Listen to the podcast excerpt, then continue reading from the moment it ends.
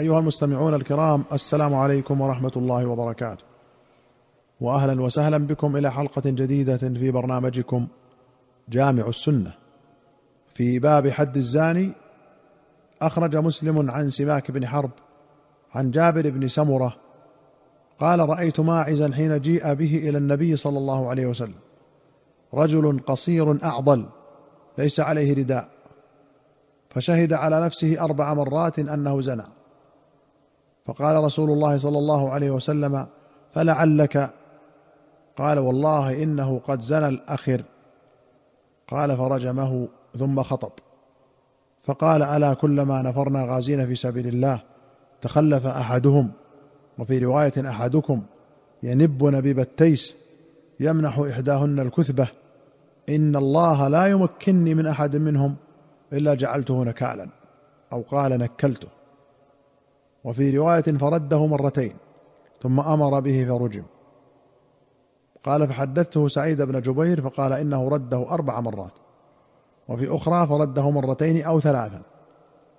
قوله أعضل أي ذو عضلات كما في رواية أخرى. والعضلة كل لحمة صلبة مكتنزه والأخر بوزن الفطن هو الأرذل والأبعد وقيل اللئيم وقيل الشقي ومراده نفسه رضي الله عنه. والكثبة القليل من الطعام أو اللبن أو غيرهما. قال النووي قوله فلعلك معناه الإشارة إلى تلقينه الرجوع عن الإقرار. كما جاء في الرواية الأخرى لعلك قبلت أو غمزت. وفيه استحباب تلقين المقر بحد الرجوع لأن الحدود تدرأ بخلاف حقوق الآدميين وحقوق الله تعالى المالية. كالزكاة والكفارة وغيرهما فهي لا يجوز التلقين فيها ولو رجع لم يقبل رجوعه. وقد جاء تلقين الرجوع عن الإقرار بالحدود عن النبي صلى الله عليه وسلم وعن الخلفاء الراشدين ومن بعدهم واتفق العلماء عليه. وأخرج البخاري ومسلم عن ابن عباس رضي الله عنهما قال لما أتى ماعز النبي صلى الله عليه وسلم قال له لعلك قبلت أو غمزت أو نظرت؟ قال لا يا رسول الله. قال انكتها لا يكني. فعند ذلك أمر برجمه. هذه رواية البخاري.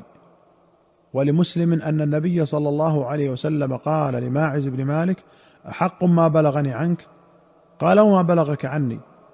قال بلغني أنك وقعت بجاريه آل فلان. قال نعم. فشهد أربع شهادات ثم أمر به فرجم.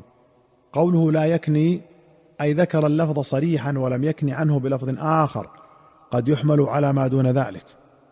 قال ابن حجر في كلامه على حديث أشد حياء من العذراء في خدرها في صفة النبي صلى الله عليه وسلم قال ومحل وجود الحياء منه صلى الله عليه وسلم في غير حدود الله.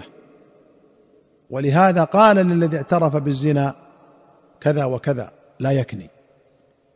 وأخرج البخاري ومسلم عن أبي هريرة رضي الله عنه قال أتى رجل من أسلم رسول الله صلى الله عليه وسلم وهو في المسجد فناداه يا رسول الله إن الأخر قد زنى.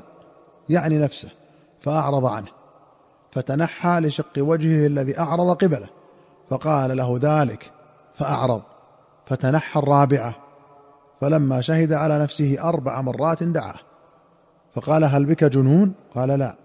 قال النبي صلى الله عليه وسلم اذهبوا به فارجموه. وكان قد أحصن.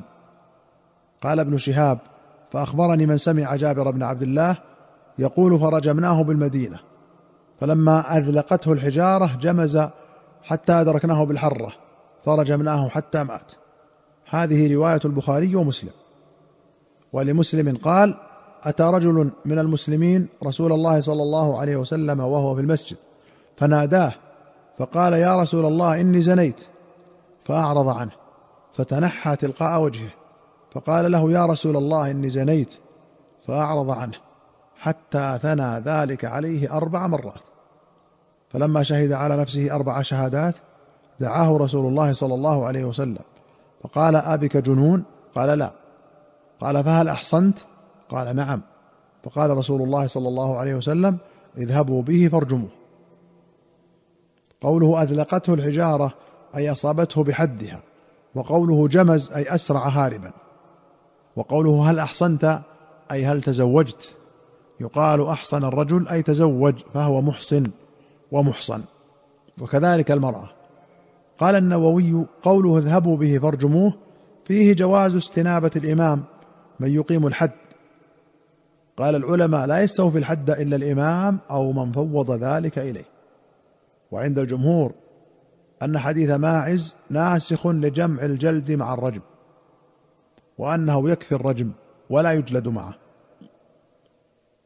وأخرج البخاري ومسلم رحمهما الله عن ابن عباس رضي الله عنهما قال قال عمر وهو جالس على منبر رسول الله صلى الله عليه وسلم إن الله قد بعث محمدا صلى الله عليه وسلم بالحق وأنزل عليه الكتاب. فكان مما أنزل عليه آية الرجم. قرأناها ووعيناها وعقلناها. فرجم رسول الله صلى الله عليه وسلم ورجمنا بعده. فأخشى إن طال بالناس زمن أن يقول قائل ما نجد آية الرجم في كتاب الله. فيضل بترك فريضة أنزلها الله في كتابه.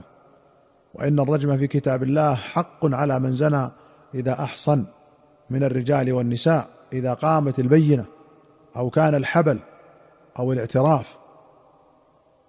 الحبل أي الحمل.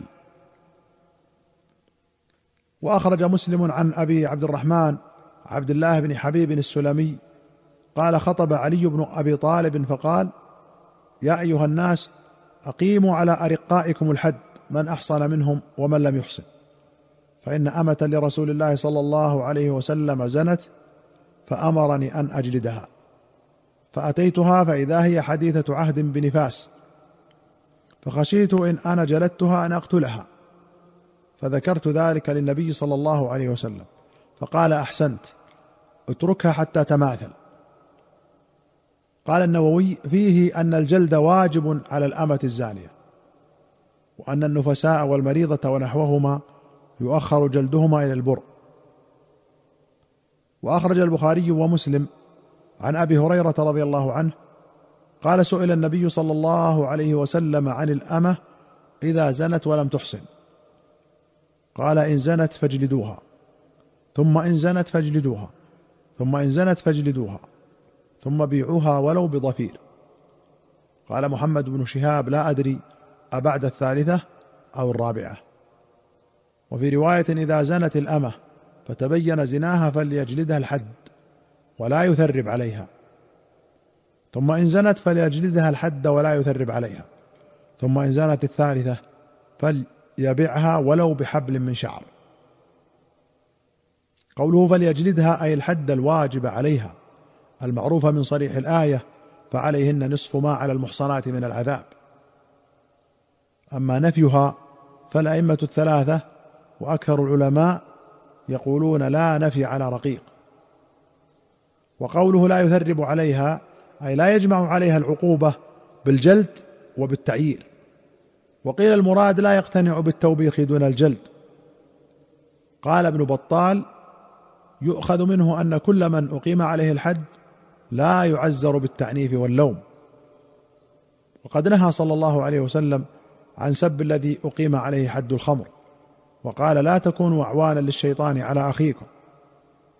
والظفير هو الحبل المظفور والأمر بالجلد واجب والأمر بالبيع مندوب هكذا عند الجمهور. وفيه الزجر عن مخالطة الفساق ومعاشرتهم ولو كانوا من الأقربين إذا تكرر زجرهم ولم يرتدعوا. أيها المستمعون الكرام إلى هنا نأتي إلى نهاية هذه الحلقة. حتى نلقاكم في حلقة قادمة إن شاء الله. نستودعكم الله والسلام عليكم ورحمة الله وبركاته.